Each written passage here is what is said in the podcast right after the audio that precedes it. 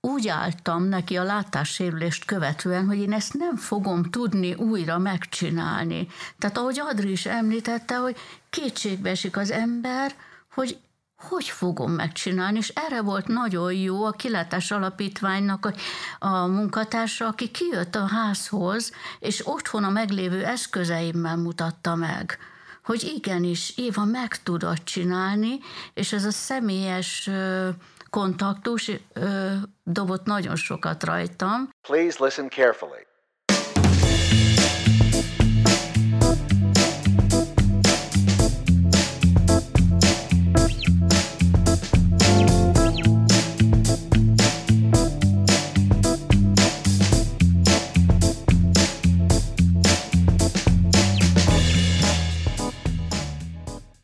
Ez itt a Tomkast, Zámbori Bíró Tamás podcast csatornája.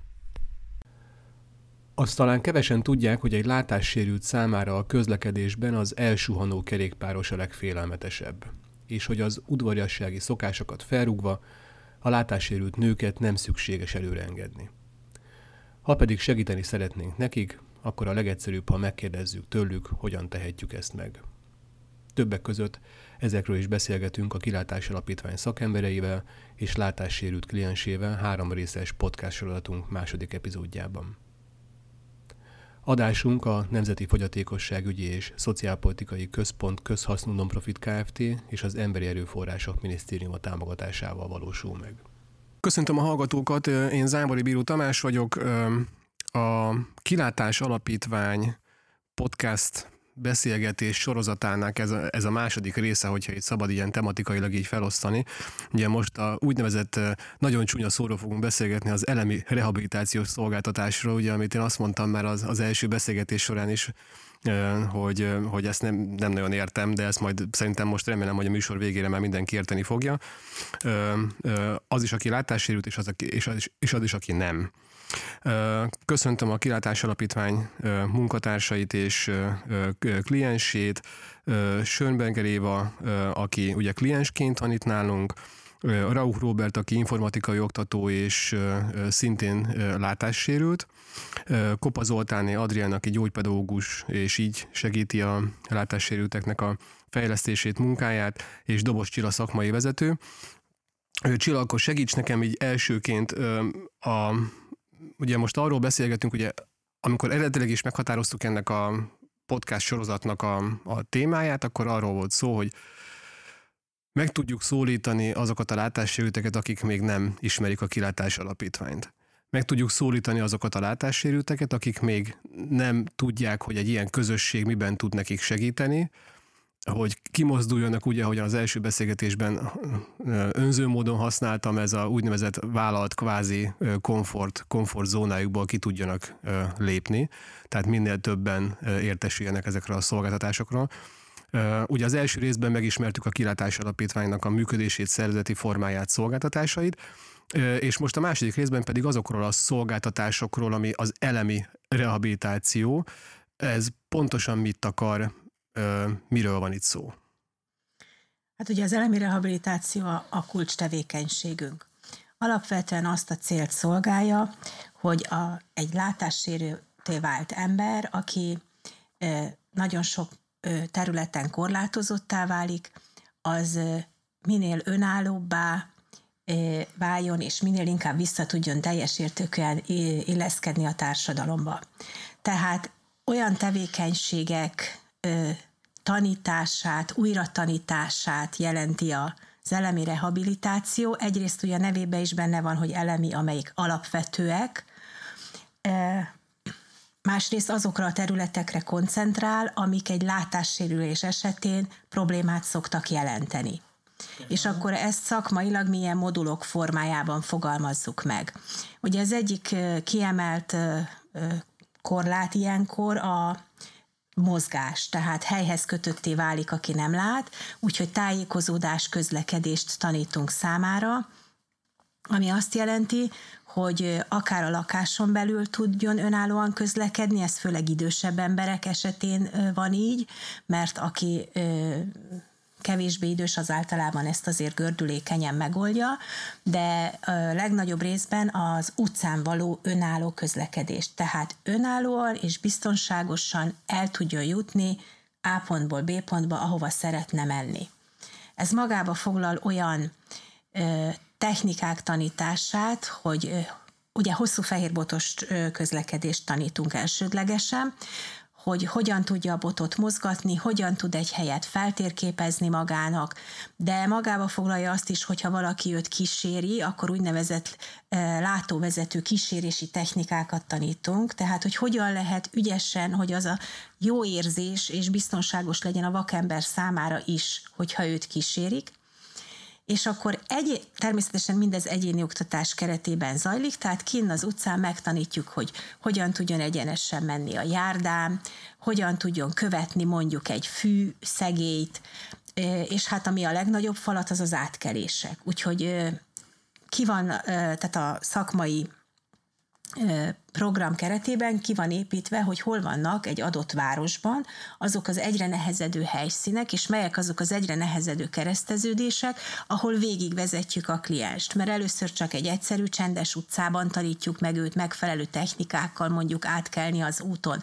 Aztán egyre van, ahol még búgalámpa, az nyilván könnyebb. És aztán így fokozatosan haladunk az egyre nehezebb kereszteződések felé, és hát nyilván beletartozik az, hogy át tudjon menni egy nagy nyílt parkolón például, vagy egy üzletközpontban el tudjon igazodni, tudjon mozgólépcsőt használni, liftet használni, tehát, hogy ezeknek mind-mind a technikáját megtanítjuk, és amikor a technikákon végigért, akkor meg jönnek konkrét útvonalak, tehát hogy azokra a helyekre, amik az ő életében jelen vannak, a munkahelye, az otthona, a rendszeresen használt boltok, a barátainak a lakóhelye, vagy bármi ezt az ő igénye szabja meg, oda konkrétan megtanulj, tanítjuk azt, hogy hogyan tud eljutni, mik azok a támpontok, amire tud támaszkodni, hiszen egy látássérült ugye a hallásra és a tapintásra tud támaszkodni. A, a botot úgy képzeljük el, mint a meghosszabbított kezét, amivel tulajdonképpen tapogat és például, ami érdekes, hogy egy átkelésnél is sokkal inkább a hallására és a tapintására támaszkodik, nem annyira mondjuk a búgó lámpára, mint ahogy azt gondoljuk látóként. Hogy, hogy mert, miért? Mert egy búgólámpa becsapó is lehet. Ugye egy adott kereszteződésben állunk, zebra egyik irányba, zebra másik irányba, és megszólal a búgólámpa, és akkor honnan tudjam, hogy most melyik zebrához szól? Wow, erre nem is gondoltam. Na látod, Igen. milyen jó, hogy így beszélgetünk. Mert ez, mert ez bennem, de tényleg, hogyha több kereszteződéses zebra vannak, és hogy messzebb zúg, akkor lehet, hogy elindul. Igen, igen, tehát Aha. neki a forgalmat kell figyelni, uh-huh. a forgalom hangjából kell megtanulnia következtetni arra, hogy akkor most melyik zebrán mikor tud elindulni, és a bugás az már csak egy megerősítés, hogy igen, jól döntöttem el a lelépés Elképesztő. pillanatát. Bocsáss meg, hogy így most közbeszólok, mert éppen most hallottam egy ilyet, hogy az elektromos autók, ugye amik hang nélkül mennek, most állítólag, nem tudom, hogy tudjátok, hogy talán egy éve hozta az Európai Bizottság azt a rendeletet, hogy el kell látni valamilyen hang kiegészítő, Adrit hevesen bólogat, majd mindjárt tudom neki a szót, de ugye ez nagyon érdekes, hogy, hogy itt ténylegesen, hogy ez egy mennyire életveszélyes, vagy, vagy balesetveszélyes helyzetet is teremthet, hogy ezek csendes autók de hogy állítólag a mostantól kezdve gyártott elektromos autóknál már el kell látni valamilyen bugó hanggal, hogy legalább lehessen hallani. Én magam is egyébként, amikor sétálok az utcán, akkor így meg vagyok lepődve, hogy hirtelen mögöttem megjelenik egy elektromos autó, de hát akkor az egy látássérültnél ez aztán különösen izgalmas. Adri? Hát nekem most csak az jutott eszembe, hogy én szoktam kérni a Csillától, amikor ideje engedi, hogy saját élményhez is juthassak tájékozódás közlekedés keretén belül. Ez azt jelenti, hogy nekem le van takarva a szemem, és akkor Csilla jön mellettem, nyilván szakszerűen tudja adni az utasításokat, ezt nem tudom akárkivel megtenni, tehát nem tudok gyakorolni mondjuk a férjemmel, vagy hozzátartozókkal, amik nem tudják, hogy hogyan kell segíteni. És bizony ilyenkor én is átérzem ezt, hogy nagyon ijesztő, amikor nagyon hangos, nagyon zajos autó megy mellettünk, és borzasztóan ijesztő az is, például egy bicikli, ha csak úgy elsuhan, mert a, de az legalább egy picit talán csörög, zörög, börög, de tényleg azok az elektromos autók, aminél aztán semmilyen zaj nincsen.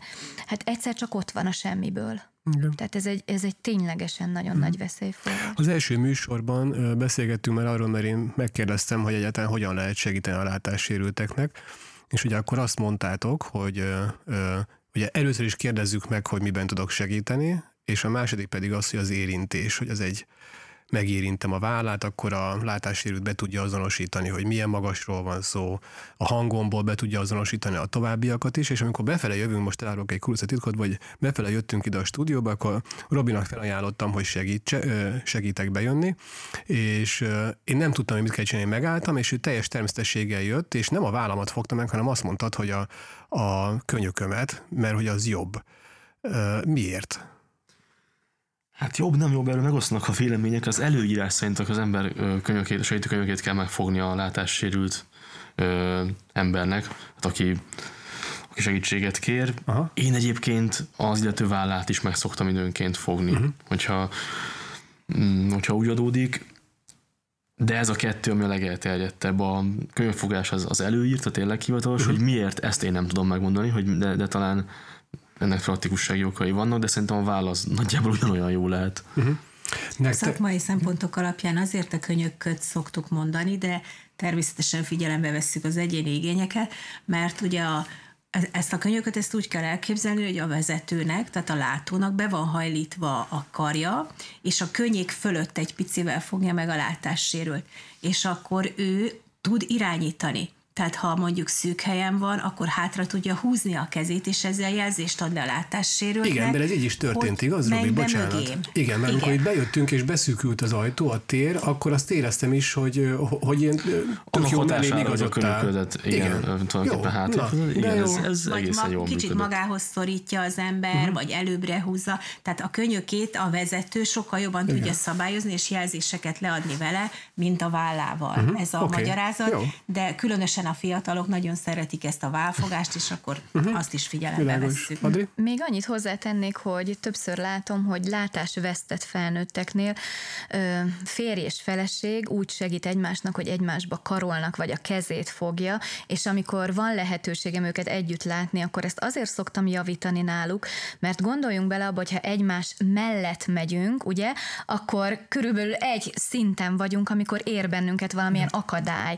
és valóban úgy más sokkal nehezebb segíteni a nem látó társamat, uh-huh. hogy magam mögé húzzam, vagy egyéb. Tehát azért jobb is ez a fogás, amit Csilla az előbb említett, mert egy fél lépés távolság van kettőnk között, jön egy lépcső lefele, vagy fölfele, én sokkal előbb érzékelem, ő érzékeli az én könyökömnek uh-huh. a megemelkedését, míg hogyha egymás mellett haladnak, akkor előbb vagy utóbb ő is a lábával esetleg belerúg, vagy ne, ne Isten még le is gurulhat így a lépcsőn, úgyhogy mindenképpen ez a célszerűbb.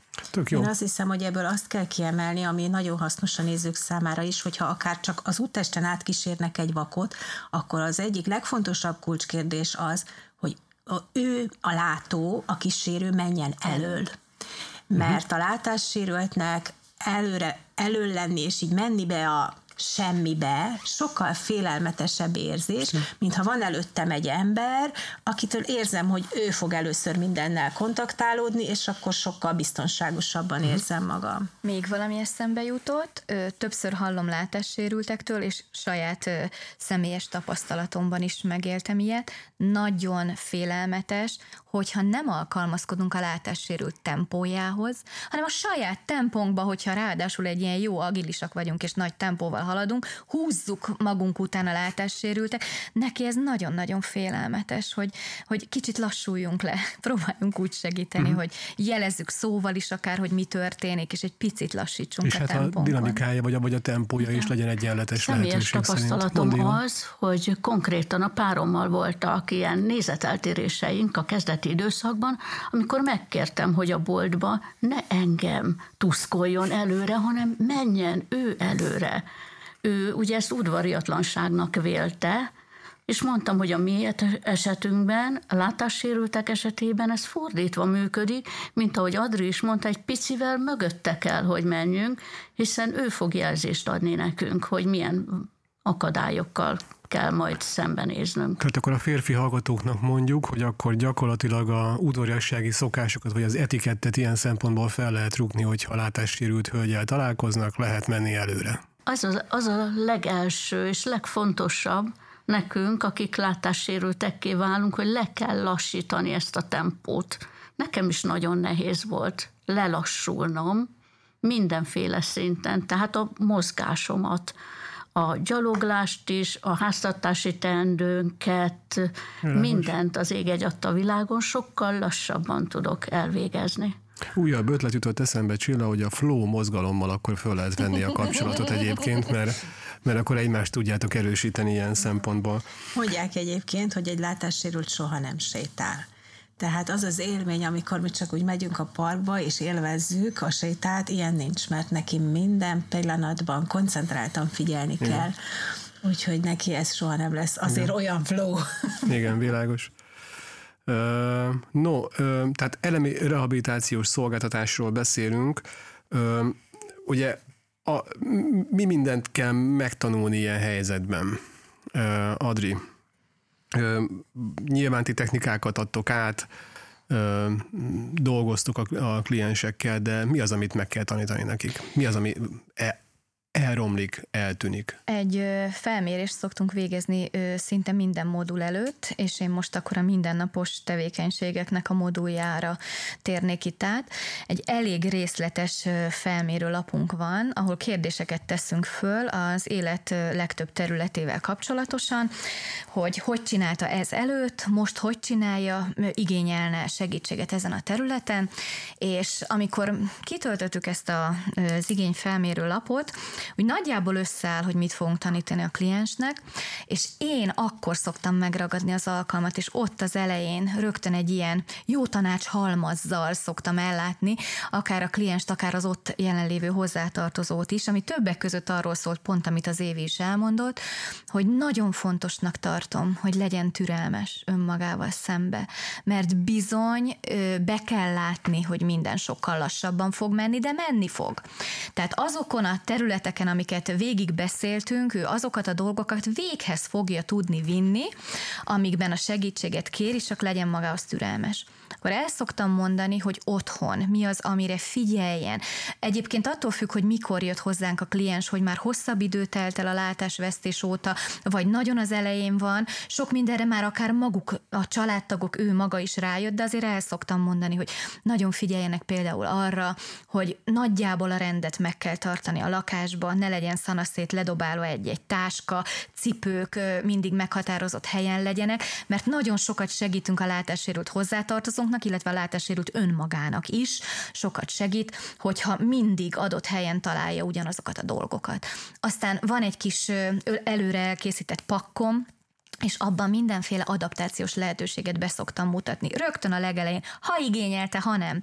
Mert megmutatom, hogy hogyan tud akkor segíteni, hogyha nem jól látja mondjuk, hogy hol van az ajtónak a kilincse, akkor milyen színű, általában narancssárga, öntapadós tapétát kellene odaragasztania, vagy vannak úgynevezett puffadós festékek, hogy ezekkel mit lehet megjelölni, hogyan tudunk önmagunkon segíteni. Tehát ezeket így unblock egyszer átadom neki, és elmondom ezeket az utasításokat, még egy nagyon fontosat szoktam elmondani, hogy lakáson belül, mert a lakáson belül minden látássérült közlekedik, hogy ne hagyjuk háromnegyedére nyitva az ajtót. Az ajtó vagy csukva legyen, vagy tárva, de a háromnegyedére nyitva hagyott ajtófélfa, az a le, vagy az ajtó, az a legrosszabb, mert a, arra nem tud rákészülni a látássérült és sérülést okozhat, hogyha annak neki megy, és a védőtartások, bár az leginkább a tájékozódás közlekedés tanításhoz tartozik hozzá, de ha mondjuk nem igényelte azt a kliens, sokan mondják, hogy köszönöm, én csak a férjemmel, vagy én csak a feleségemmel fogok közlekedni,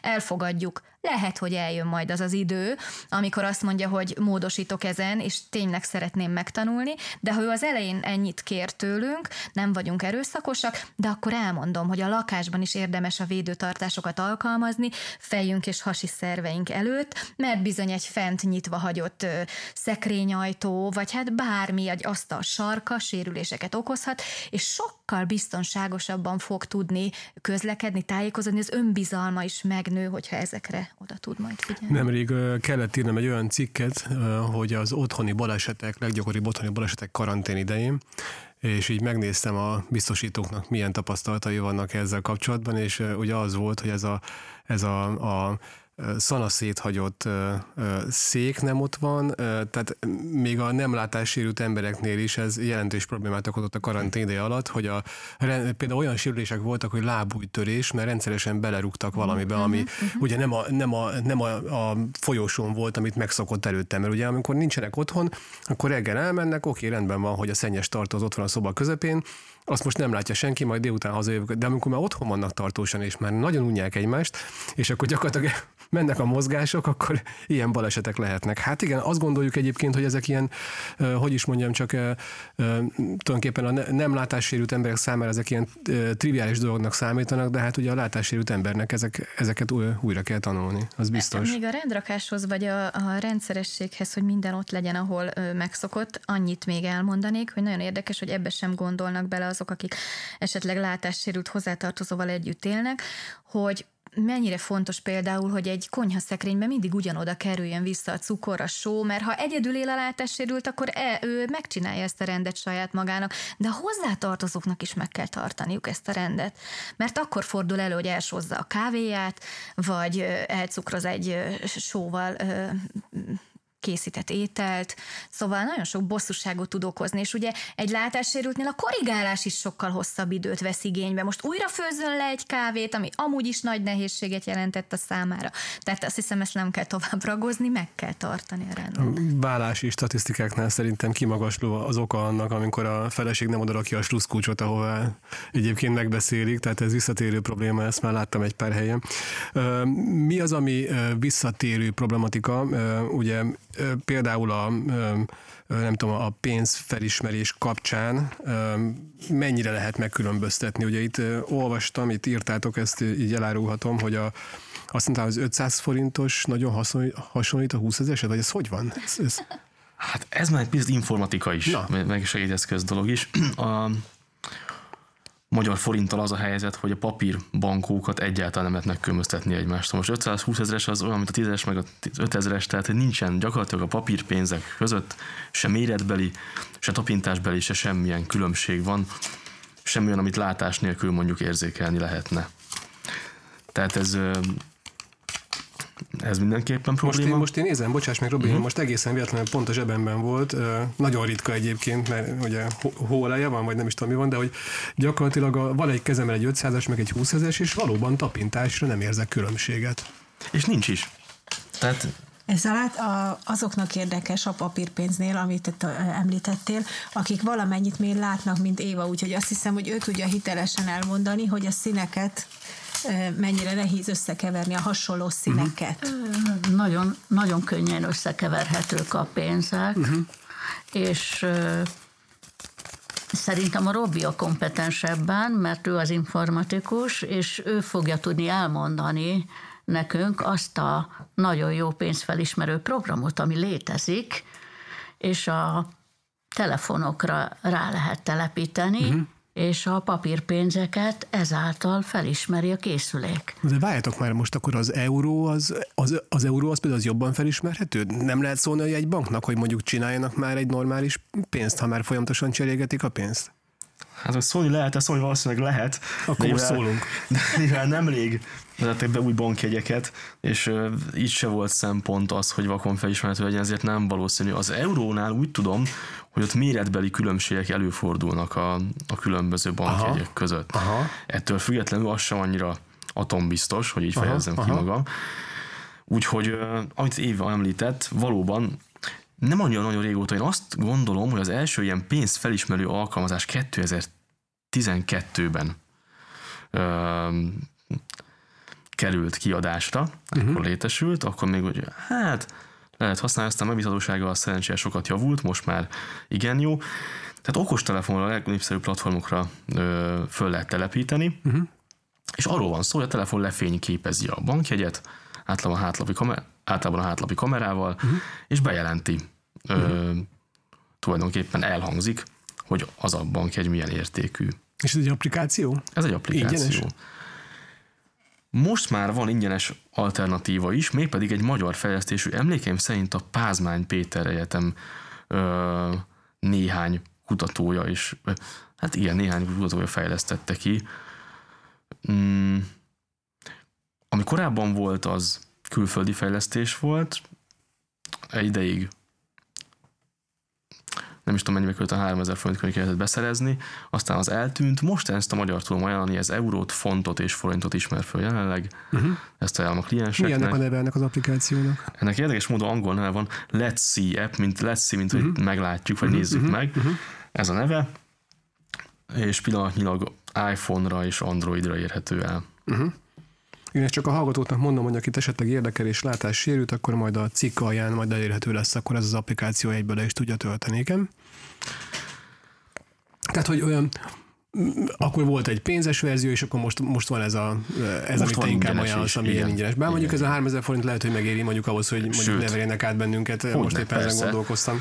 Én annak idén persze meg is vettem, és mindenkit erre ösztökéltem, hogy vegye meg, de most van ingyenes alternatíva is. A fémpénzeket ellenben meg lehet különböztetni tapintásra is, ezeket uh-huh. nem is ismeri fel az alkalmazás, uh-huh. de nincs is rá szükség, hogy felismerje, mert igen jól ö, elkülönülnek a fémpénzek egymástól. Ugye például, ami nagyon hasonló a 200 és az 50-es, ott a méretre azok majdnem teljesen egyformák, de az 50-esnek a széle nem recés, míg uh-huh. a 200-as mhm. igen. Uh-huh. A százas ugye a legvastagabb, azt onnan lehet megkülönni, ráadásul elég kicsi is, meg vastag. Uh, hát 10-es, 20-asnél még én is összekeverek. de ez nem azért van, mert összekeverhető, ez csak az én szegénységi bizonyítványom, de ott is vannak méretben egy különbség, a 20-as az nagyobb, a 10-es kisebb, és így tovább az ötös, ami még esetleg szóba jöhet, de az meg még kisebb. Tehát azért ezeket meg lehet állapítani. Uh-huh. Az élén a rece, tehát a pénznek az élén uh-huh a, van különbség, a, ugye, hogy az 50-es az teljesen sima, a 20-as az csupa rece, a 10-es pedig kis reces sima, reces sima, és akkor ebből lehet. Akkor a pénzérméknél valószínűleg, hogy egy bank már figyelembe vehette ezt a típusú igényt, hogy másabb hát, legyen, vagy ez, ez csak az automatákhoz? Hogy... Ez a véletlen műve. Ezt véletlen nem tudjuk, hogy ez... De Jó, bocsánat, nem akarok ezen a témán. Feltételezzük a jót, tehát lehet, hogy valóban látássérült emberek. Lovagolni, de hát de... szerintem annyi, annyi mindenre odafigyelnek, hogy ennyi elő lesz, is meg lehetne oldani, na mindegy. Szerintem. Még egy nagyon jó tanács a látássérülteknek, hogy körülbelül tudjuk, hogy hova fogunk menni vásárolni, és ahhoz körülbelül mennyi pénzre van szükségünk. Uh-huh. És nagyon jó, hogyha többre kezdesz a pénztárcánk, és otthon még berakjuk a pénztárcába nagyság szerint a pénzünket, a papírpénzünket, illetve összehajtjuk, megvan, hogy mit tudom én, félbehajtom az 5000-es, a 2000-es négybe hajtom, hogy, és akkor nyúlsz. könnyebben fogom tudni kezelni. Tehát akkor van is... kvázi cikis helyzet, hogyha egy csomó 20 ezeresed van, és az mondjuk kinyomja a pénztárcának azt a szakaszát, hát, igaz? Igen, az volna nagyon jó. igen. Szoktam mondani a kliensnek viccesen, hogy tényleg azért, ahogy Éva is mondja, ne az utcán állunk neki ezzel foglalatoskodni, hogy pénzt ismerhetünk fel, vagy a telefont, vagy a pénzt fogják ellopni. Nem, Esetleg mindkettő. Igen, ezt otthon készítsük elő. Szortírozzunk otthon, Igen. szálljunk rá időt, és akkor minimálisan lehet csökkenteni a, annak a veszélyét, hogy esetleg... Világos.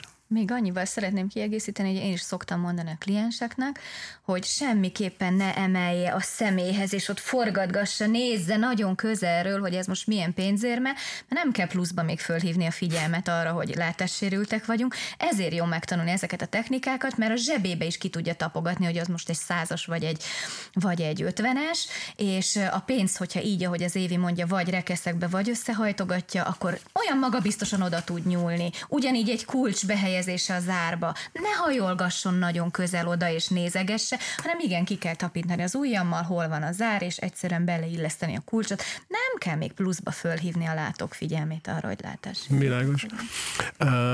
A hétköznapi praktikákról még egy kicsit beszéljünk már. Engem nagyon érdekel a főzés. Ugye az első beszélgetésnél ez elhangzott, hogy az gyakorlatilag hát ki lehet próbálni mondjuk a kilátás alapítványnál mondjuk élesben, hogy milyen az, amikor egy ilyen húst beleteszünk a, a, a serpenyőbe, a forró serpenyőbe, és hogy annak milyen kockázatai vannak. Hogy főznek a látássérültek, Adri? Hát nagyon érdekes egyébként, ezt lehet, hogy már az elején elmondhattam volna, hogy ahány ö, ember annyiféle, és nem attól függ, hogy ő most látássérült, vagy vagy nem látássérült. Vannak nagyon bátor emberek, vannak visszahúzódóak, vannak jól tájékozódóak, vannak rosszul, és a főzésben ugyanígy van. Ismerek olyan született vak klienst, aki iszonyatosan jól főz, nagyon talpra esett, nagyon jól áll a kezébe a kés, mindent meg tud csinálni. De ismerek olyat is, aki egy életen át főzött, látássérülté vált, és nem mert neki kezdeni annak a bizonyos tevékenységnek, amit éveken át csinált. Sokszor azt veszem észre, hogy egy látássérülté vált embernek elég az, hogy ott állok mellette, és csak bíztatom, hogy ez az, jól csinálod, egyszerűen nem meri magának elhinni sem azt, hogy ő erre képes. De van olyan is, tényleg van, hogy egyszerűen nem áll a kezére, hiába teszed nyolcszor, tízszer bele a kezébe azt a krumpli hámozó kést, hogy hogyan kéne ezt megfogni, valahogy nem, nem tudja jól kézbe fogni, tehát vagyunk ügyetlenebbek, vagyunk ügyesebbek, vagyunk jól főzők, vagyunk kevésbé jól főzők.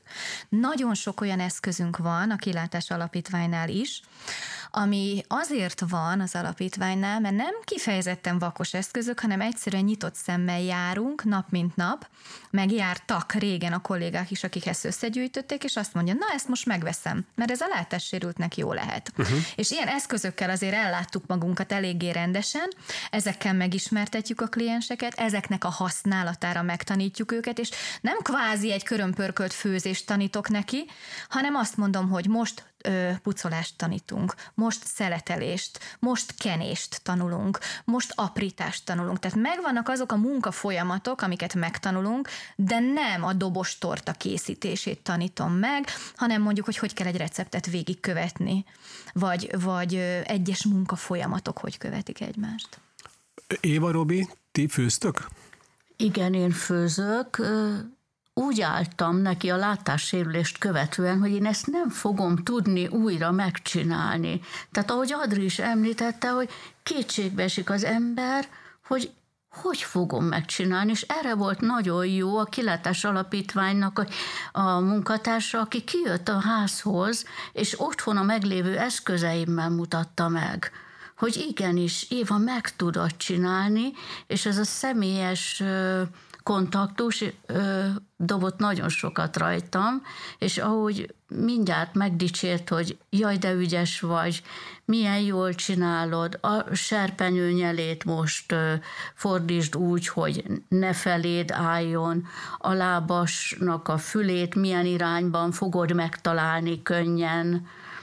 Tehát ilyen apró praktikákkal, és most már főzök. Aha. Sőt, sütök, uh-huh egyre többet sütök. Aha.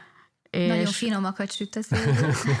igen, szoktam a kilátás alapítványhoz is vinni a sorstársakat. Egy okkal, egy okkal több, hogy mindenki csatlakozzon a kilátás alapítványhoz, igen. A sorstársakat kicsit megörvendeztetni vele. Uh-huh. És a férjed meg ezt mindent? Igen. Jó Igen, ő, ő nagyon hálás, uh-huh. ő mindent elfogyaszt, és mindent megdicsér. Uh-huh. Látszik is rajta. Uh-huh. Robi, te szoktál főzni? Én azt mondanám, hogy a kliens jobban járhat tőlem, amikor informatikát tanul, és nem főzéstudományt, mert szerintem előrébb jutunk azzal, mint amazzal. Robi, egy, egy picit beszélgessünk már az, az informatikáról. Ugye te, te oktatod is a, a sérült társaidnak, igaz? Így van. Én, én nekem ez a veszőparipám, hogy, hogy, hogy, a, hogy a nem, nem sérült emberek is nagyon-nagyon sok digitális eszközt, applikációt nem használnak, ami megkönnyíteni az életüket, tehát egész egyszerűen egy Google naptáról beszélek, tehát azt sem, azt sem nagyon használják, vagy egy Drive-ról teljesen mindegy, ami ilyen teljesen egyszerű ez nálatok látássérülteknél ez mennyire ö, többszörözött igény? Ö, mert hogy ez tulajdonképpen nagyon sok szempontból ki tudja egészíteni a mindennapjaitokat, nem? Hogyha, hogyha valaki megtanul egy-egy adott ilyen applikációt vagy digitális eszközt. Miket használtok egyébként? Ez is a következő kérdés. Ez feladatunk is, tehát mint oktatóknak, hogy ezekre a figyelmet felhívjuk, megmutassuk és használjuk, mert hogy valóban igény van, hogy az ilyet legtöbb területén, ahol csak lehet, könnyebbséget tapasztaljunk, és, és jól működjön, de ezeket nagyon kevesen ismerik. Uh-huh. Tehát itt, tényleg az is komoly, és és az sem biztos, hogy mi például, mint oktatók, minden ilyen szoftvert ismerünk, tehát én azért rendszeresen szoktam időnként keresgetni, kutatgatni, fórumokat olvasgatni, akár magyar, akár esetleg mondjuk angol nyelvű fórumokat, hogy mi az, ami esetleg ígéretes, vagy milyen fejlesztések vannak és milyeneket használnak mások, de hogy akkor nevesítsük is őket, hát az imént a pénzfelismerőt említettük, ugye, igen. amit jól ki is veséztünk. így van, ezt igen, ez a e, magyar fejlesztésű. Mm. Létezik olyan szoftver, ami a telefon kamerája segítségével próbál olvasni, mégpedig nyomtatott írást olvasni. Ugye nyomtatott úgy értem, hogy síkírást, hogy a látó emberek olvasnak, itt ez a uh-huh. most megnevezése. Ez arra jó, hogyha az embernél mondjuk sok papír van, vagy, vagy esetleg valami, ami legyen az akár egy okmány, vagy bármi, és nem tudja, hogy hát ez most mi vagy melyik, akkor szó szerint vessünk rá egy pillantást a telefonnal, hiszen hogy a szemünkkel sajnos nem tudunk. Ezért az nem is arra jó, hogy az egészet felolvassa, hiszen az nagyon pontosan kéne kalibrálni, hogy a kamera az egészet belássa, és ezt vakon azért nem mindig olyan egyszerű, de arra tökéletesen alkalmas, hogy elmondja a készülék, hogy ha csak mint elolvas belőle egy kis részt, hogy ez most egy lakcímkártya lehet, ez most egy ö, számla, akkor dobhatjuk is ki. Nyilván számokat kidobunk így van. Vagy valamilyen, valamilyen anyag. Persze ennek a professzionális Persze ennek a professzionális változata az, hogy amikor mondjuk uh, szkennert használunk, de ez már számítógéppel, vagy akár dedikált szkenner készülékkel, már ilyen is létezik, amikor mondjuk könyvet vagy egyebet szeretnénk tényleg olvasni elejétől a végéig, akkor nem csak rápillantunk az okostelefonnal, hanem beszkenneljük. Ez is ugyanígy a segédeszköznek minősül, hiszen ilyenkor a számítógépbe ezt bevisszük, egy, egy ö, szoftver segítségével, ugye ez optikai karakter felismerés, ez a pontos neve, ugye úgy kell ezt érteni, hogy ekkor, amikor az ember a, a szkennerre bevisz egy képet a számítógépbe, akkor a szoftver a képről megpróbálja a szöveget, az írott szöveget felismerni, és ha felismerte, akkor ezt mondjuk egy szövegszerkesztőbe áttenni, amit már el tud olvasni a számítógép. Uh-huh. Tehát ilyen módon könyvet mi egymást lehet olvasni, és nagyon sok ilyen is van. Tehát a szkenner, mint egy újabb segédeszköz, mégpedig nagyon hatékony is. Létezik, ez is egy viszonylag új fejlesztés telefonokra, hát nem is tudom milyen, talán tárgyfelismerőnek tudom definiálni. Telefon csinál egy képet, és egy mesterséges intelligencia kb. fél percen belül elkészít egy elemzést a képről, hogy mi található rajta például mondjuk kólás üveg, uh-huh. vagy fehér asztal, rajta esetleg van. Tehát egy, egy egyvonatos leírás a képről, Hát nem is tudom, mikor leutoljára használtuk, arra használtuk, bár erre alkalmas lett volna a felolvasó is, de, de teljesen jó volt, hogy volt több üdítőség, amik küllemre teljesen egyformák voltak, most tapintásra, de mi a cukormenteset kerestük, uh-huh. mert épp arra volt szükség, és egy jól sikerült kép után elmondta a szoftver, hogy ez egy cukormentes üdítőnek az üvege. Nyilván most mondta a nevét is, de most itt akkor nem mhm. gondolom nem lehet mondani. Mindent lehet mondani. Akkor Coca-Cola Zero. Világos, oké. Okay. És erre is, mm, tehát ilyen, ilyen is van. Akkor a következő ilyen terület, amiről persze beszéltünk már a tájékozódás, közlekedés, és addig a kérdés, hogy akkor van olyan szoftver, ami a látássérült embert... Számból vetett ki a szót, mert kíváncsi lettem volna, igen, hogy így irányítja gyakorlatilag. Reméljük, hogy lesz ilyen. Sajnos a, Ugye ezek a műholdas rendszer segítségem, GPS, GLONASS, stb. ezek alapján működnek, és ezek egyre kifinomultabbak, és egyre több ilyen műhold áll rendelkezésre, már nem csak GPS műholdak vannak, hanem van európai, kínai, mi egymás műholdak, amiket használnak az okostelefonok, de még mindig nem egészen pontos, vagy legalábbis nem annyira, hogy egy, egy teljesen vak felhasználót elnökkel, hogy na itt most fordulj balra, itt most állj meg, stb. stb. Tehát itt akár egyetlen egy lépésnyi különbség is nagyon sokat számít. Tehát ha hogy autóval, ha az ember navigál, a következtetni, hogy akkor következő kezdődésnél, vagy következő ö, sávnál fordulunk, vagy, vagy beállunk a leállósába, stb. stb. De itt azért ö, ahhoz, hogy a szoftver valóban százszázalékos pontosság meg tudja mondani, hogy mit csináljon az ember, ahhoz még idő kell. Messze vagyunk ettől. Tehát A-ból B-be egy teljesen idegen helyen, ahol még soha nem járt előtte a vak felhasználó, azt gondolom, hogy meg lehet próbálni, de nem szabad csak erre a szoftverre hagyatkozni, ezekre a szoftverre hagyatkozni, mert lehetnek eltérések. Viszont vannak nagyon hatékony szoftverek arra, hogy egyrészt elmondják, hogy éppen hol vagyunk, ez nagyon hasznos például a tömegközlekedési eszközökön, ahol nem mondják ezt be, hiszen azért is előfordul még elég sok helyen, hogy nincsen hangos bemondó. Uh-huh. Tehát utcanév, akár település, ország, mi egymás, illetve nagyon hasznos még, hogy vannak olyan szoftverek, amelyek segítségével fel lehet mérni azt, hogy milyen objektumok vannak a közelben. Például szűrünk kategóriákra, mondjuk szeretném megtudni, hogy van-e a közelben pékség, vagy élelmiszerüzlet, vagy gyógyszertár. Akkor ez a GPS van egy adatbázis segítségével, ami internetes, feltérképezi, és elmondja, hogy mit tudom én, pékség, meg ebbe az irányba. Mondja, hogy jobbra, balra, mi egymás. Tehát ez is egyfajta navigáció, de ez se teljesen pontos, de arra azért nagyon jó, hogy egyrészt feltérképezzük, hogy mi van a közelünkben, az nagyjából milyen távolságra van, és ekkor már azért az utcaembere is ö, tud segíteni. Tudjuk, igen, hogy... igen, és ezt tulajdonképpen azért sem annyira bonyolult, és valóban egyébként nagyon, nagyon egyszerű ö, dolgot mondtál, de hogy az, nem is értem, hogy miért nem valósult még meg, mert tulajdonképpen a Google-nál gyakorlatilag nagyon sok cég ugye már regisztrálja magát, ö, ugye a My Business kategóriában, tehát onnan fel is, lehet, fel is lehetne ismerni, és ténylegesen be is mondhatná. Ezek működnek is. Ja, hogy ez működik ez, is? Ez már létezik, ilyen, ja, csak a okay. nem teljesen pontos, uh-huh, erre akartam utalni, de az, hogy megmondja a szoftver, hogy mi van a közelben, tehát mondom pékséggyógyszertár, bank, stb. stb., az már működik. Persze az adatbázis lehet, hogy nem még teljesen teljességgel friss, de azért legtöbb esetben ez jól szokott működni. Uh-huh. Tehát az ember kiáll a mit tudom én, Rákóczi úton, beállítja a kategóriát, hogy neki most szüksége van élelmiszerüzletre, és elmondja, hogy XY üzlet jobbra, mondjuk 100 méter. Uh-huh. És akkor ezt persze helyén kell kezelni, hogy lehet, hogy nyilván ott lesz, de nem teljesen mondjuk 100 méter az jobbra is olyan, hogy azért érdeklődjünk uh-huh. az utca emberétől, de ez nagyon hasznos. És ez, és ez működik. A, és egy picit nem menjünk el amellett, hogy a, hogy a legegyszerűbb, ugye például ez a, hang, a hangbemondásos szövegírás, ugye, mert ez gyakorlatilag ez, hát az iPhone-oknál már biztos, hogy van, nem tudom, hogy az androidos telefonoknál már van, de biztos, hogy ott is van talán, nem? Ott is működik, ott a Google alapértelmet veszélyt felismerőjével az a gond, hogy nem tud központozni, tehát a pont vesző felkiáltójel, mint ilyet nem ismeri. Igen. Ez talán gond, az iPhone-os beépített gyári szoftverrel ez is működik, tehát lehet egész komoly szövegeket bediktálni. Aha. És ez működik is, főleg olyan mm, helyen, ahol azért viszonylag csend van, a környezet sokat számít, mert azért buszon, vonaton, tömegközlekedésen én már diktáltam olyat, hogy elküldtem, anélkül megnéztem volna, és visszajöttek, hogy mi.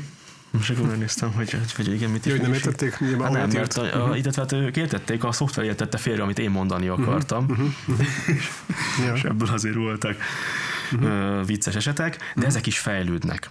Ez az egyik. A másik, hogy akkor ezt is elmondom, ez egy fantasztikus dolog, ezt én előszeretettel használom. Nem tudom, hogy szóba került az első podcast részben a Braille írás, mint ilyen, ugye a vakok írása. Uh-huh. Mm, én sokáig azt hittem, hogy nem nagyon lesz rá szükségem egy digitális eszközök korában, tehát hogy ez így el fog halni, vagy, vagy nem lesz rá szükségem. Ehhez képest egy olyan szoftver létesült, amelyel a telefon érintő kijelzője gyakorlatilag egy virtuális Braille írógépként funkcionál. Ez egy bonyolultan hozik, és nem is egyszerű megtanulni gépen. Az a lényeg, hogy a Braille ugye hat pontból áll, uh-huh.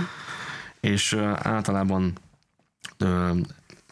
sőt, hát nem csak általában, hanem az újunkkal gépelünk és a pontokat, a pontok kombinációja adja ki a betűket, és a telefon érintő kijelzője írógépként mm, működik, tehát bal mutató középső és gyűrűs, vagy jobb mutató középső és gyűrűs ujjunkkal gépelünk, és ezáltal, ha az ember ezt elsajátítja és valóban ö, gyakorlatot szerez ebben, én azt megkockáztam, hogy gyorsabban tud írni, mint egy, mint egy látó személy, aki bepötyögi a virtuális billentyűzeten a betűket. Tehát fantasztikus sebességgel lehet nagyon hosszú szövegeket is írni. És ez egy, ez egy vahok számára létrejött kisegítő szoftver, iPhone működik a legjobban, Android is már egészen tisztességesen működik. Mm. És uh, szerintem a diktálásnál is hatékonyabb, hogy olyan helyen vagyunk, ahol a diktálás nehézségbe ütközik, mert mondjuk nagy a hangzavar, vagy mi egymás. Uh-huh. Robi, abban tudsz majd nekem segíteni, hogy esetleg a cikk aljához ezeket, amikről most beszéltünk, hogy így oda és belinkeljük akár nekem, a szóros hallgatóknak mondom, hogy akkor így van, hogy akkor a, ezeket a szóros verziókat, és akkor a hallgatóknak mondom, hogy akkor ott el lehet majd érni. És akkor a másik, ez a hívás azonosítás. Ez gyakorlatilag ugye már lehet olyat csinálni, hogyha a gyereken fölhív, akkor az ő hangján fog csörögni a telefon, hogy papa vett fel már, de azonnal. Tehát külön csengő hangra gondolsz? Igen.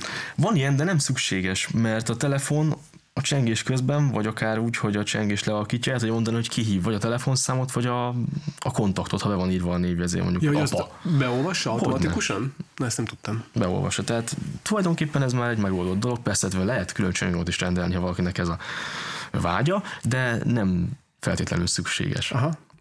A, nekem eszembe jutott egy élethelyzet, ami viszont nagyon-nagyon nehéz lehet, ez a bankkártya leolvasás, vagy ez a bankkártyával való fizetés. Hiszen azt nem látjátok, hogy mennyit írtak bele a terminálba, nem? Valóban nem. És már csak utólag, hogyha jön róla például SMS. Igen, és ugye most megemelték a limitet is, mondjuk a PayPass-hoz, ugye 15 ezer forintra, tehát gyakorlatilag ez a magasabb összeg, amit csak így ripsrops elvihetnek. Van erre megoldás? Hát abban a pillanatban szerintem nincs. Uh-huh. Tehát itt én is általában megbízom abban, aki begépeli az összeget, és Aha. Persze azonnal megnézem, hogyha jön a, az SMS a Értesítő. költött. mm, Tehát azt, mennyi pénzt vont le a kártyáról. Tehát De mondjuk ugye- az lehet egy megoldás, hogy addig nem mozdulsz ki, amíg ezt az értesítő Hát meg nem tudod nézni. Főleg hogyha sikerül megnézed, igen. fontos. Igen, Jó, ettől függetlenül felszólítok minden Magyarország és nemzetközi szoftverfejlesztő céget, hogy ezt próbálják meg megoldani, mert ez így, mert ez így bizonytalan. De ugyanakkor különben a terminálokban a bankkártyás pénzfelvétel nagyon klasszul meg van oldva, Mhm. nagyon sok helyen most már lehetőség van arra, hogy visz magával a pénzt felvenni kívánó személy, így a látássérült is egy, egy kis ö, fülhallgatót, ezt bedugja a megfelelő jelzett ö, részbe. Nyilván ezt én megtanítom annak, akinek semmilyen látásmaradványa nincsen, hogy hol van ez. Fejére teszi a fülhallgatót, és onnantól kezdve végig navigálják őt. Tehát megkérdezik, hogy milyen műveletet szeretne végrehajtani, és ő nem a, a képernyőnek a két oldalán lévő gombokat használja, hanem ott lent, ahol mi a pint írjuk be. Ő neki mindent ott kell csinálnia, megmondja, hogyha pénzt szeretne fölvenni, mondjuk akkor az egyes gombot nyomja uh-huh. meg, az összegeket is felsorolja, ott is megmondja, hogy melyik gomb tartozik hozzá. Konkrétan senki nem láthatja, ja, és az elején rögtön kérheti azt, hogy maradjon-e elsötétülve a képernyő.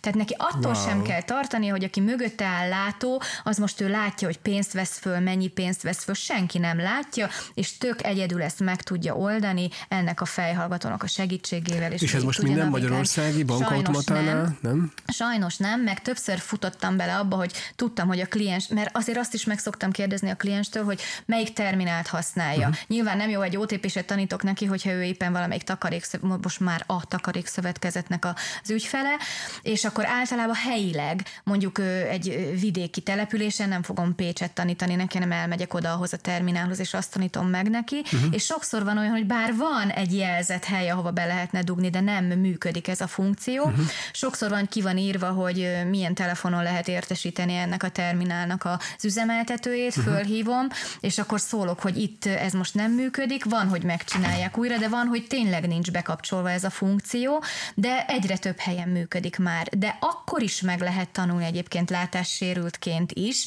hogyha csak látós üzemmódban van, mert akkor azon az adott terminálon annyiszor megyünk végig a funkciókat tekintve, ahányszor a kliens ezt el tudta sajátítani. Nyilván félreállok, hogyha jön valaki és szeretne pénzt felvenni vagy befizetni, de mi ott állunk a klienssel, és addig tanulgatjuk ezeket a mechanizmusokat, amíg ő meg uh-huh. nem jegyzi ezt. Oké, okay, érdekesek. A, a, beszélgessünk még egy kicsit a, szerintem a közösségről. Ugye sokan csatlakoznak a kilátás alapítványhoz, mint kliensek, látássérültek. Tudom, hogy vannak különböző programok, ugye ami ilyen kézi munka is akár, de hát nem tudom, hogy milyen egyéb programok vannak.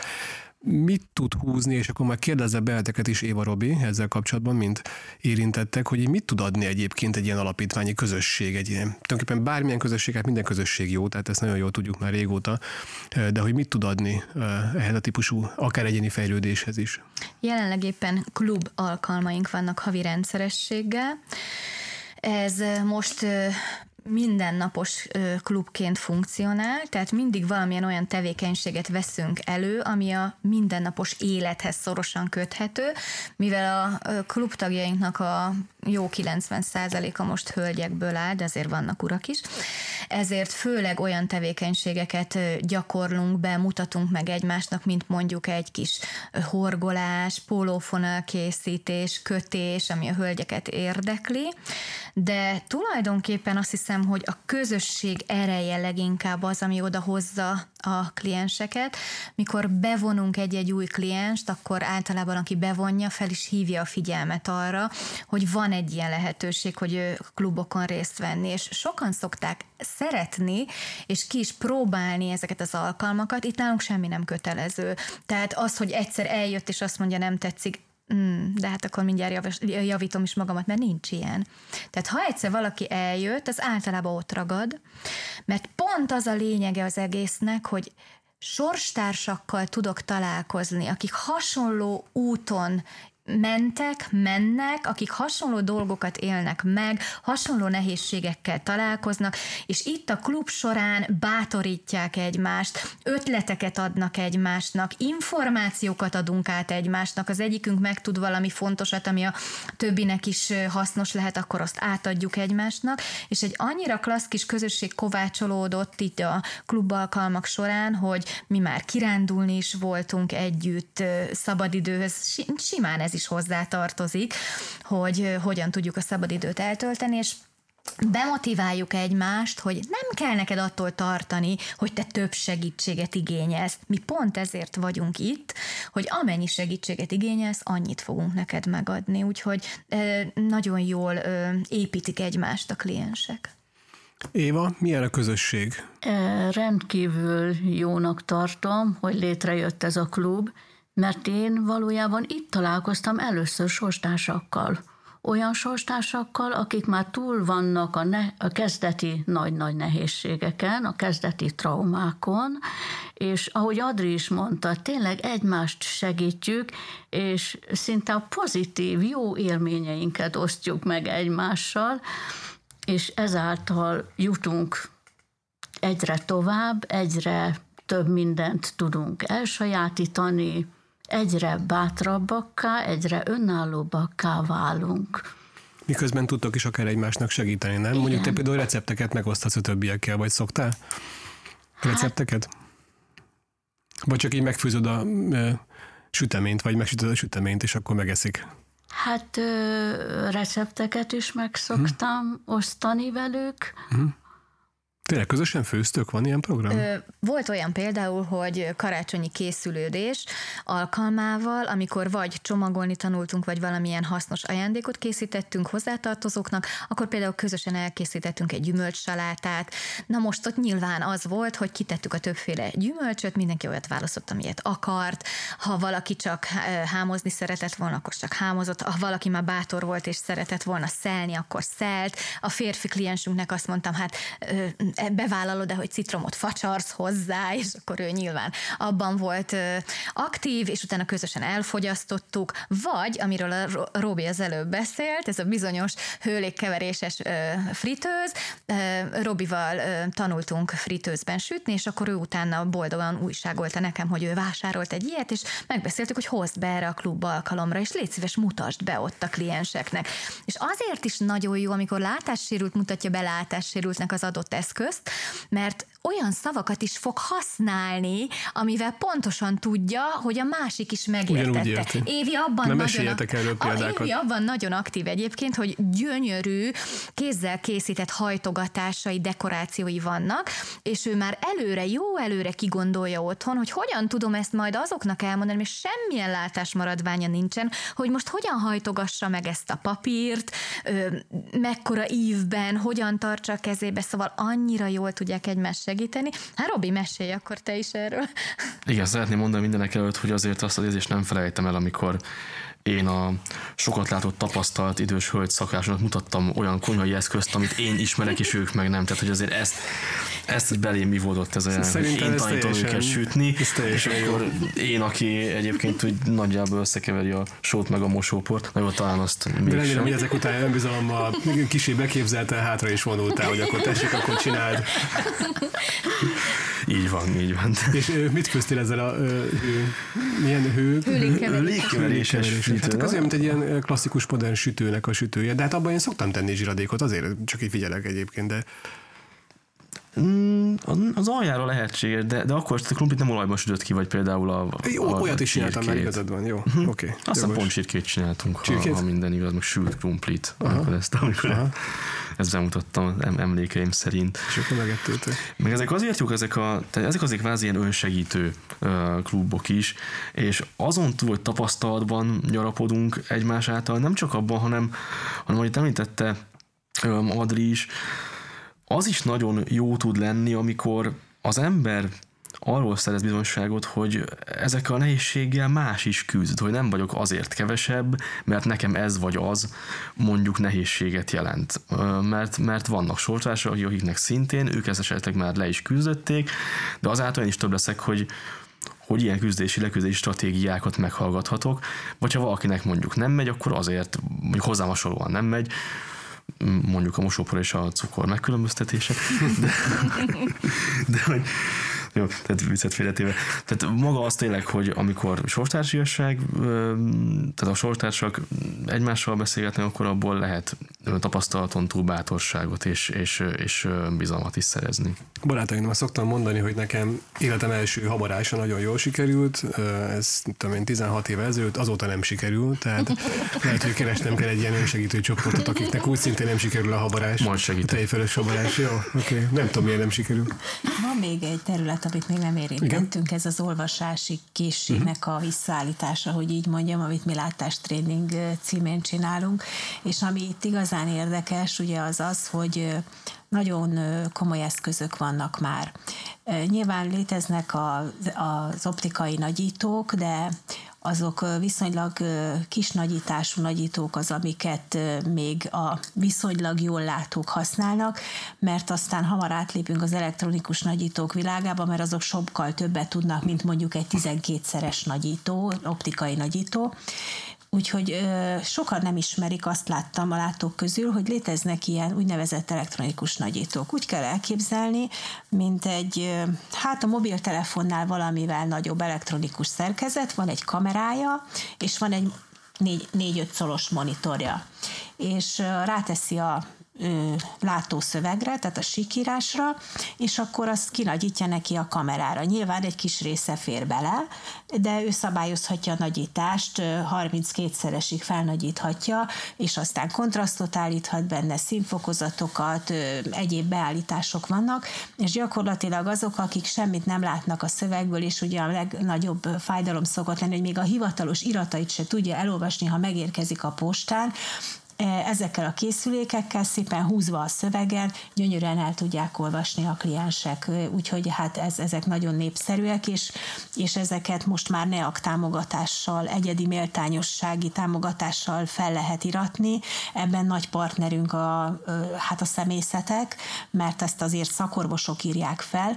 Itt mi abban tudunk segíteni, hogy a felírás folyamatában, feliratás folyamatában végig segítjük a klienst, mert elég sok papírt kell beszerezni hozzá, illetve amit azt hiszem már az előbb is említettem, hogy vannak kölcsönözhető készülékeink, és akkor kipróbálhatja, hogy tényleg jó-e számára, és tényleg tudja rendszeresen használni. Meg még talán azt említsük meg, hogy nem csak azt, hogy ki tudja próbálni, hanem meg is tanítjuk neki a használatát, mert amíg bemegy egy ofotérbe vagy egy optikai üzletbe, addig ott a kezébe adják, és otthon old meg, ahogy tudod. Hát azért ez nem ennyire egyszerű, tehát nekünk arra is van lehetőségünk, hogy órák során megtanítsuk a kliensnek az adott eszköznek a szakszerű használatát. Mert hogy itt ugye pont arról van szó, hogy a látás már olyan kevés, és hogyha ő belenéz a nagyítóba, akkor hogyha nem tudja megfelelően irányítani a szemmozgását, vagy nem megfelelő távolságra tartja az nagyítót, akkor azt mondja, nem látok semmit, és már teszi is le. És akkor a szakembernek az a feladata, hogy megtanítsa őt, az ő látásához igazodva megkeresni azt a pozíciót, azt a helyzetet, azt a tekintési irányt, stb., ami alkalmassá teszi arra, hogy utána egyáltalán ezeket az eszközöket tudja használni. Én emlékszem, hogy amikor az elemi rehabilitáció kezdetén voltam, az első eszköz, amit sikerült megkapnom, és az olvasás élményét visszaszerezni, a digitális nagyító volt, amit a csilláék segítségével kaptam meg, és társadalombiztosítás támogatásával csupán csak 10%-ot kellett kifizetnem a rendes árból. És ez már gyakorlatilag olyan, olyan áttörést okozott nálad, hogy, hogy így tudtál fejlődni szinte, vagy így, hogy tudtad, hogy van egy ilyen eszköz, vagy szembesült egy ilyen eszközzel, hogy az jól esett, és ez önbizalommal is töltött el, nem? Hát rendkívül, rendkívül nagyot lendített rajtam, hogy végre visszakapom azt a lehető legnagyobb lehetőséget, tehát az olvasás lehetőségét, amit azt hiszem, hogy szinte valamennyiünknél Világos. egy problémá, nagy-nagy problémát okoz. És mindjárt négy könyvet elolvastam kapásból, az volt az első, és, és ez nagyon nagy élmény volt. Uh-huh. Én el vagyok ájúva, tehát én elképesztően sok mindent hallottam most tőletek, hogy így milyen, milyen, milyen eszközök, milyen lehetőségek vannak, és hát én azt nem is tudom, azt kívánom minden egyes hogy azt kérem minden egyes hallgatónktól, hogy hangos könyvek ide, podcast csatornák oda, azért mindenki próbáljon meg beajánlani a kilátás alapítványt itt Dél-Dunántúlon olyan látássérült ismerősének, szomszédjának, barátjának, aki még nem találkozott az alapítvány szolgáltatásával, hogy mennyi mindent tud segíteni, és mennyi mindenben tud hozzájárulni, hogy az élete az valamilyen szinten normalizálódjon, ha szabad ezt így használni mert hogy tényleg nagyon-nagyon sok lehetőség van, amivel ténylegesen élni érdemes. Én köszönöm, van-e bennetek még bármi gondolat, ami esetleg így benragadt? Hát én azt nincsen? hiszem, mint kliens el tudom mondani, hogy nagyon-nagyon sok mindent kaptam a kilátás alapítvány dolgozóitól, szakmai, jól felkészült embereitől, nem csak a hétköznapi életben sikerült visszavezetni ők, hanem egy olyan, olyan lelki útravalót kaptam, amivel ők igenis megmutatták nekem, hogy hogyan lehet és kell látássérültként élni, és teljes értékű emberként élni. Robi? Én születésem óta vagyok látássérült, és a kilátás tulajdonképpen hát tizenéves korom óta van jelen az életemben. Mm, és azt kell mondjam, hogy gyakorlatilag ott volt mellettem az alapítvány tanulmányom során, a felnőtté válásom során, munkavállalásom során, és, és, a, és a felnőtté válás most az önállóság, vagy felnőtté válás alatt most önállóságot értek elsősorban, tehát hogy amikor valóban eljött az a pillanat, hogy az iskolából én magam megyek egyedül haza, lehet előbb is, mint kellett volna, de tehát, hogy az, hogy um, helyet tudok változtatni, anélkül, hogy segítséget kellene kérnem, az, hogy uh, aztán másoknak segíthessek, akár megmutatni, akár informatika területén, akár, akár más területen, az, az hogy uh, tehát tényleg mm, nekem végig kísérte az életem legnagyobb részét a kilátás, és ezt én nagyon, nagyon köszönöm. Oké, okay, szuper. Szerintem zárásként Csilla, mondd már el, Léci, hogyha valaki látássérőként meghallgatja ezt az adást, akkor hova tud fordulni, hogy ne kelljen olvasgatnia a, a, a honlapnak a szövegét milyen e-mail cím, milyen telefonszám, Pécs, Kaposvár, Szexárd. Egy központi telefonszámunk van, az Kaposváron csörög, de minden helyszíne vonatkozóan ö, információt ad. A konkrét telefonszámra gondolsz, mm-hmm, hogy Igen, mondjam. igen, hangozom el, de majd lehozzuk ez, a cikkben ez is, hogy lehozom. Ez egy 30-as vonalas telefonszám, 443 62 88 és akkor itt rögtön személyre szabottan kapnak időpontot, Pécsre, Kaposvárra vagy Szexádra, attól függően, hogy, hogy hol él a kliens, de lehet e-mailen is jelentkezni az infokukackilátás.hu Kilátás egyben ékezetek nélkül, igaz? Igen, igen. Okay és Pécsen, a központi irodában, ott pedig ügyfélfogadás is van. Hát annak a pont, naponta két óra a különböző uh-huh. időpontokban nyilván ezt a honlapon meg lehet meg találni, úgyhogy ott is tudunk fogadni valakit, de ott elsősorban, ha úgy bejön személy, csak úgy ismeretlenül, akkor ott először csak egy kis tájékoztatást kap, és akkor utána ugyanúgy a, a személyes első megjelenés, ami a felmérés, amiről már a korábbi interjúban beszéltünk. Tehát érdemes inkább azt javaslod, hogy mondjuk egy telefonos első igen, bejelentkezést igen, azt érdemes az csinálni. Aki egy kicsit szerényebb, akkor e-mailt írhat, és akkor arra válaszoltok, vagy igen. felhívjátok, de inkább így igen. érdemes. Oké, okay, köszönöm szépen. Hát én nagyon örülök, hogy megismertek benneteket, és nagyon jót beszélgettünk. Remélem, hogy ti is így éreztétek. Visszatérünk még. Köszönjük, köszönjük szépen. Köszönjük. Please listen carefully.